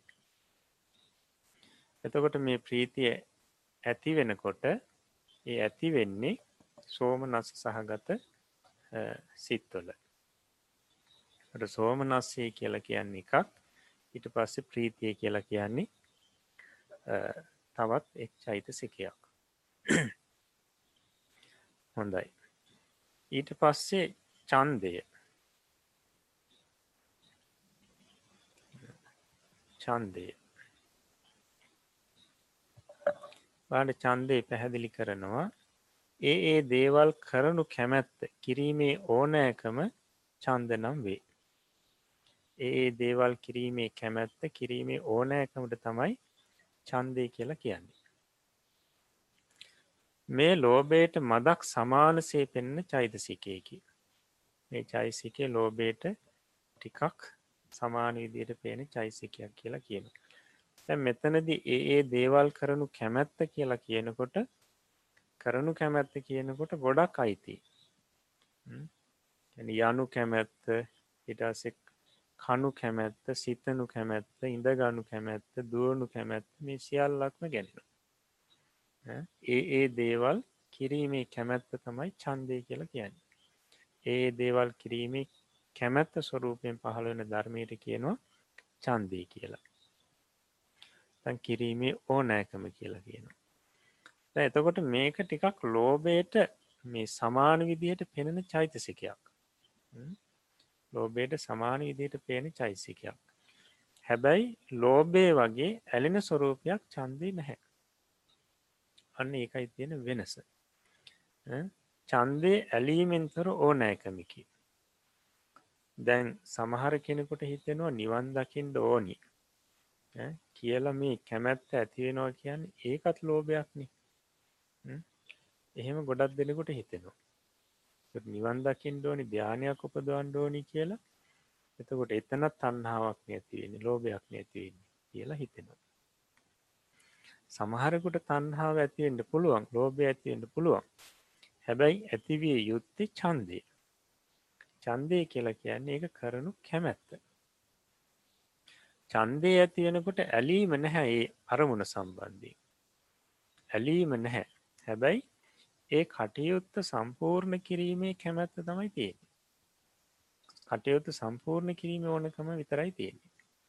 තොට තන්හාාව කියලා කියන්නේ අරමුණේ ඇලෙමින් ඒ අරමුණට ප්‍රිය කරනවා.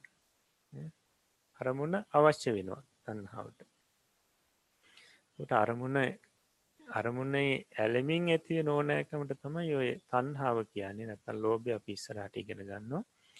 මෙතනදි තියෙන්නේ මෙතනදි චන්දය තියෙන වෙනස තම කිරීමේ ඕනෑකම. කරනු කැමැති බව විතරයි චන්දය කියලා කියන්නේ. නිසා අපිට නිවන්දකින්ට තියෙන්ඩෝනි තන්හාාවක් නෙවේ චන්දයක් නිවන්දකින්ට තියෙන්ඩෝනි චන්දයක් හොඳයි. එතකොට ලෝභ සහගත සිත්වලත් චන්දය යෙදෙනවා. එතකොට ඒ වෙලා විදි චන්දය ලෝබයට අනුකූල වෙනවා. ලෝභයෙන් ගන්න අරමුණ කැන නැත්තං අපි හිතමක යමක් ලබා ගැනීමට ඒ අරමුණත් එක්ක ඇලමින් ඒ ලබා ගැනීමට තියෙනවා ආශාවක්. එතකොට අන්න ඒ ආශාව සම්පූර්ණ කිරීම වශයෙන් තම එවෙලාවෙදි චන්දය ඇතිවෙන්නේ. තොට ඒ වෙලාවෙ ලෝබයට අනුකූල වෙනවා චන්දය. තොට කුසල් සිතයේදී පහළ වෙනකොට අර මේ අකුසල්වලට සම්බන්ධ වෙන්නේ නැහැ දානයක් දීම සඳහානං කැමැත්ත තියෙන අන්නේ කැමැත්ත වශයෙන් ඒ කරුණු කැමැති බව වශයෙන් පහළ වෙනවා චන්දය.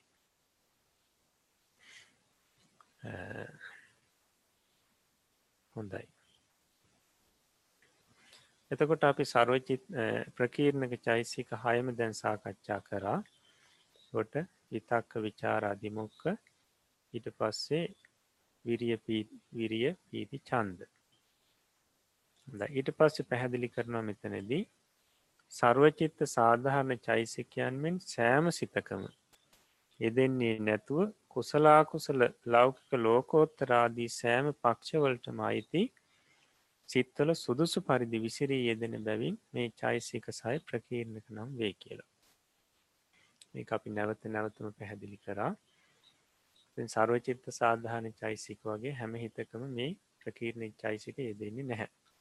ඒ පක්ෂවලට අයිති සිත්වල සුදුසු පරිදි විසිරී යෙදෙනයි ඉතින් ඉදිරියට අපි ඒ සිත්වල යෙදෙන චෛසික කතා කරනකොට අපිට මේක පැහැදිලි වෙනවා. සර්වචිත්ත සාධාරණ චෛසික සත ප්‍රකීර්ණක චෛසික හය යන මේ චෛසික තෙලෙස දහත්තුන අකුසල රාශයය ශෝභන රාශය යන රාශි දෙකට අයත් චෛතසිකයන් හා යෙදෙන බැවින් අන්‍ය සමාන නම් වේ.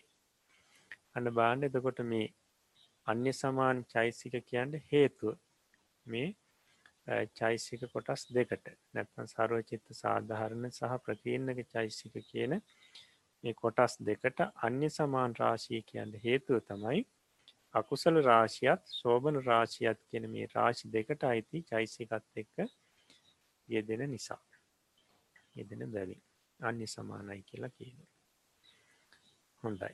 එතකොට අපි ප්‍රකීර්ණක චෛසික පාඩමත් හමාර කරා. ඉතින් නැවත නැවත මේ කියවන්ඩ චෛසික පැහැදිලි කරන කොටස්.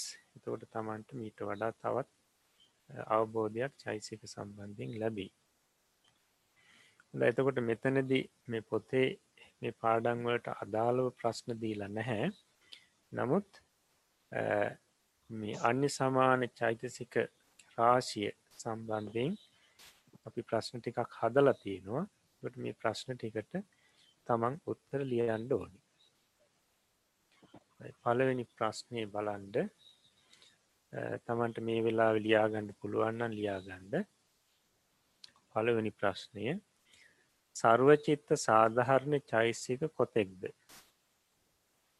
ඒවා මොනවාද? ඒවාටේ නම යෙදී ඇත්තේ කුමක් හෙයින්ද? සර්වචිත්ත සාධහරණ චෛසික කොතෙක්ද? ඒවා මොනවාද? ඒවාටේ නම යෙදී ඇත්තේ කුමක් හෙයින්ද? දයිට පස්සේ දෙවැනි ප්‍රශ්නය. සර්වචිත්ත සාධාරණ චෛතසික පිළිවෙලින් පැහැදිලි කරන්න. සර්වචිත්ත සාධාරණ චෛතසික පිළිවෙලින් පැහැදිලි කරන්න. ඉට පස තුන්වනි ප්‍රශ්නය චිත්ත පරිච්චේදේදී වේදනා චෛතසිකයට කියවුණු නම් මොනවාද? චිත්ත පරිච්චේදේදී වේදනා චෛතසිකයට කියවුණු නම් මොනවාද? ඊට පස්සේ හතරනි ප්‍රශ්නය කර්මයයි කියනුයේ කුමකටද? කර්මයයි කියනුයේ කුමකටද? ඊට පස්සේ පස්වනි ප්‍රශ්නය. ප්‍රකීර්ණක චෛතසික කොතෙක්ද? ඒවා පිළිවෙලින් පැහැදිලි කරන්න. ප්‍රකීර්ණක චෛසික කොතෙක්ද? ඒවා පිළිවෙලින් පැහැදිලි කරන්න. ඊට පස්සේ හයවෙනි ප්‍රශ්නය. ඔවුන්ට කුමක් හෙයින් ප්‍රකීර්ණකයයි කියනු ලැබේද? ඔවුන්ට කියලා කියන්නේ මේ ප්‍රකීර්ණක චෛසිකයන්ට කුමක් හෙයින් ප්‍රකීර්ණකයයි කියනු ලැබේද? ඉට පස්සේ හත. අන්‍ය සමාන රාශයට අයත් චෛතසික ලියා දක්වන්න. අන්‍ය සමාන රාශයට අයත් චෛතසික ලියා දක්වන්න. ඊට පස්සේ අටවැනි ප්‍රශ්නය. එම චෛතසිකයන්ට අන්‍ය සමානයයි කියන්නේ කුමක් නිසාද? එම චෛතසිකයන්ට අන්‍ය සමානයයි කියන්නේ කුමක් නිසාද? නවනි ප්‍රශ්නය. කායික වීරිය යනු කුමක්ද? කායික වීරිය යනු කුමක්ද? හොඳයි. ඔය ප්‍රශ්න නමයට උත්තර ලියාගෙනෙන්ට එතකොට අප ඊළඟ දවසේදී සාකච්ඡා කරමු. අපිට ඊළඟට තියෙන්නේ අකුසල චෛසික දා හතර මේ පාඩම තමයි ඊළඟට අපිට ඉගෙන ගණඩ තියෙන්නේ. ඊළඟ දවසේදී අපි අකුසල චෛසික තුදුස නැත්තන් දාහතර සම්බන්ධයෙන් පැහැදිලි කර ගනිම. හොඳ එහෙමනම් අපි අදට අභිධර්ම පාඩම මෙතකින් හමාර කරනවා. ඊළඟට අපි බලමු පාලි පාඩම.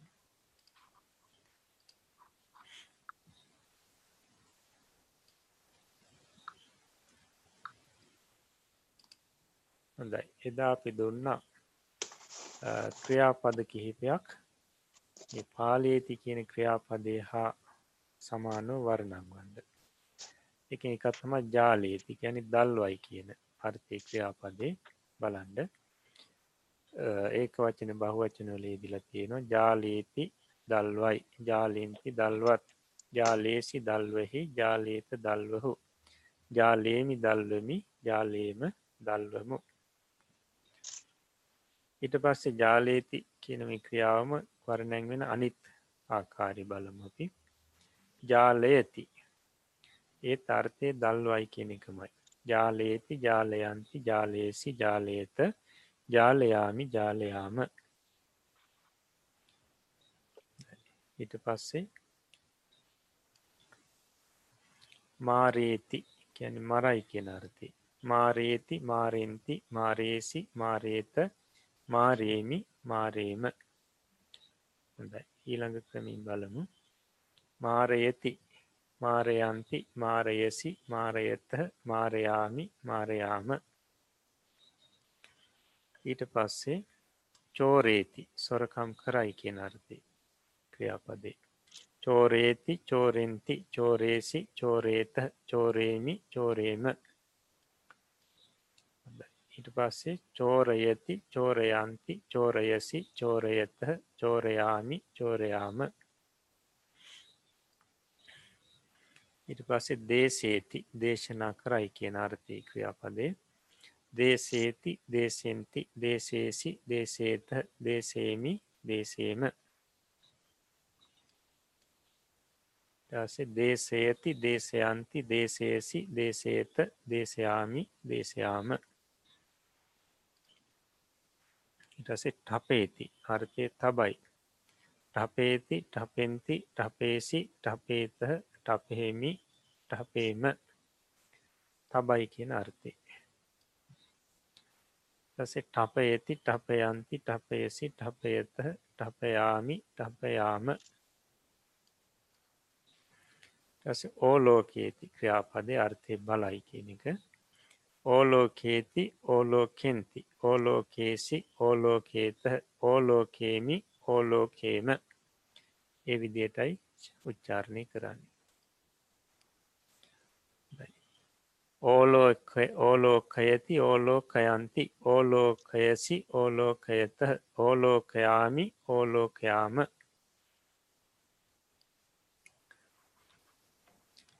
හොඳයි. ඊට පස්සේ වාක්‍ය අපි දහයක් දීලා තියෙනවා. පාලිවාක්‍ය ඒ ටික සිංහලයට පරිවර්තනය කරන්නයි තියෙන්නේ. බලන්ට පලවෙනි එක. යහින් බුද්ධහෝ මනුස්සානන් දම්මන් දේශයති තහින් දේවාපි දේවා අපි පුත්තේහි සද්ධින් දම්මන් සුනිතුන් කිප්පං ආගච්චන්ති ආගන්ත්වාච ආකාසේටහත්වා ඉදානි මයං මනුස්සේහි සද්ධින් ඉද ඒව ටත්වා. බුද්ධස්ස ධම්මන් සුනෝම. ඉති සාධකන් ධම්මන් සුනන්ති ඉටස්ස දෙක. චෝරෝ මක්ගේ තිරියන් ධාවිත්වා පච්චහ රුක්හං ආරුහිත්වා අම්හාකන් සකුණන් චෝරේති. ඉටවස තුන්වෙනි එක. සීහෝ පන සායන් වනස්ස සමන්තා චරිත්වා මිගේ මාරයති. ඇස හතර. කම්මකාරස්ස පුත්තා මිත්තේහි සද්ධින් ගේහස්ස අන්තෝ මංචේසු නිසිද්ධිත්වා දීපේ ජාලෙන්ති. දස පහ. අහං ගාමන් ගන්ත්වා මක්ගස්සච රුක්කස්සච අන්තරා පාසානේ අම්හාකන් සුනකහන් ටපේමි හය. වානරෝ රුක්කෙහෙ නිසේදිත්වා. රුක්කස්ස සමන්තා මනුස්සේ ඕලෝකේති. හත. ඉදානි ත්වං සුනකෙහෙන සද්ධින් ගේහං ගච්ඡසි. අතවා ගාමං ගච්ඡසි. අට. තුම්හෙ ඉදානි කොතෝ ඉද ආගච්ඡත. නමේ. ඒකදා අම්හාකම් බුද්ධහෝ දේවානන් දම්මන් දේශේතුන් දේවලෝකං ගච්චිහි දහය. මයිහම් මිත්තෝ අම්හාකං ගේහං ආගන්ත්වා තස්ස පාදේ මයිහං මංචේ ටපයති දයොයි වාක්‍ය දහය සිංහලයට පරිවර්තනය කරන්න. දෝට මේකේ මේ වාක්‍යවල අමුතු වචන තේරුම් සහිත පහලින් අප දීලා තියෙනවා. සුනිතුන් කියලා කියන අසන්නට. ඉටසේ චරිත්වා කියන්නේ හැසිර. ඇස සුනෝම කියන්නේ අසමු. ඊට පස්සේ දීපේ කියලා කියන පහන්. සුනන්ති කියන්නේ අසත් කියන එක. ගේහන් කියන්නේ ගෙට. සාධකං කියන්නේ මනාකොට. දේශේතුන් කියන දේශනා කිරීමට. ආරුහිත්වා කියැනි නැඟ. ගච්චි කියන්නේ වැඩම කළ සේක කියන අර්ථය. දේ බුදුරජාණන් වහන්සේ සම්බන්ධයෙන් කියන නිසා තමයි වැඩම කළ සේක කියල දාලා තියෙන නැත්තන් සාමාන්‍ය අර්ථය ගච්චි කියන එක ගියය කියන එක. දසේ තස්ස කියන්නේ ඔහු ගේ කියන අර්ථය. පදේ ගේ හස්ස කියනකොට ගේ අර්ථය. හොඳයි. ඊට පස්සේ තවත් ක්‍රියාපද කිහිපයක් දීලා තියෙනවා. අර පාලේති ක්‍රියාපදේ විදියට වරණගන්න. පාලේති ක්‍රියාපදේ ක්‍රම දෙකකින් අපි වරණැන්වන ඒ විදිහටම ක්‍රම දෙකෙන්ම මේ ක්‍රියාපද ටිකත් වරණංවන්ඩුවන චින්තේති කියන්නේ සිතයි කියන අර්ථය ක්‍රියාපදේ. ඉට වස්සේ පූජේති කියන ක්‍රියාපද අර්ථය පුදයි. අපි ගැනි පූජා කරයි කියන එක. ටස පීලේති. අර්ථය පෙළයි. පෙළනවා. පීඩාවට පත් කරනවා කියන එක. ඉටස උදේති.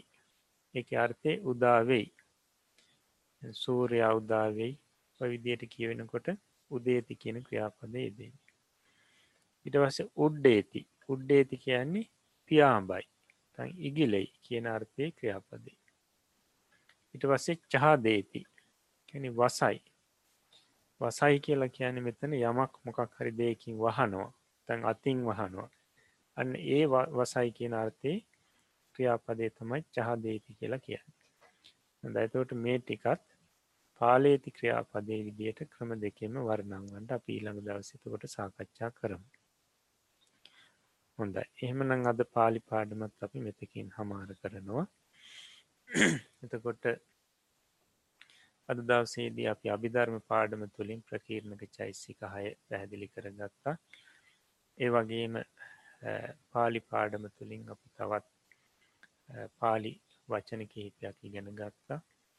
මේ විදියට අද දවසේදීත් අපි අපේ සන්තානය කුසා සිතුවෙලි ජනිත කරගන්නට යෙදුන මේ ජනිත කරගන්නට යෙදනු කුසා සිතුවිල්ල ආනිසංස වශයෙන් හැම දෙනාටම නිදුක් නිරෝගී දිගාසිරි සලසේවා. තවතවත් ධර්මයට හිත නැබුරු ඒවා තවතවත් මේ ධර්මයන් දැන කියාගන්නට ශක්තිය දහිරේ වීරිය වාසනාව නිරන්තරීම සැලසේවා.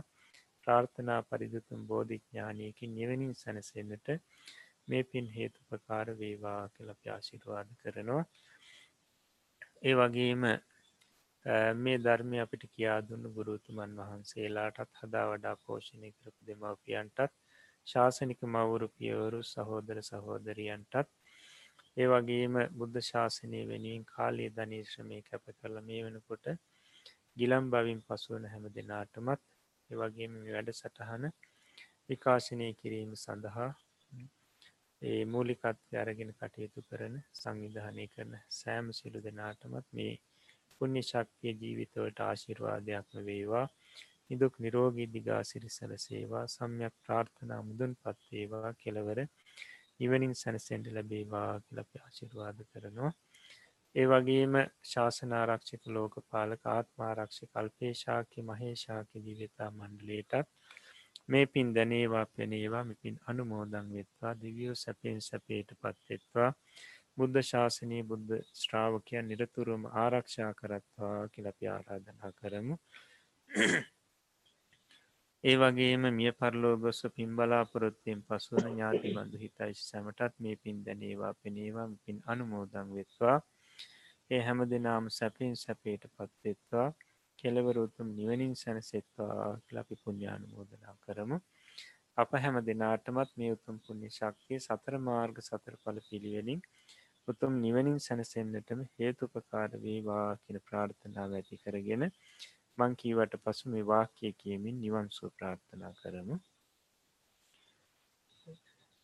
ඉදම් මේ පුං්ඥකම්මං දම්මේ පුං්ඥකම්මං ආසවක්කයා වහං හෝතු ආසවක්ඛයා වහං හෝතු.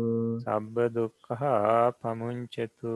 සබ්බ දුක්ඛා පමුංචතු. මාගේ මේ පුණ්‍ය ධර්මය. මාගේ මේ පුණ්‍ය ධර්මය. මාර්ගඵල නිවන් පිණිසම. මාර්ගඵල නිවන් පිණිසම. හේතු වේවා. හේතු වේවා. වාසනා වේවා. වාසනාව වේවා. සාදු සාදු සාදු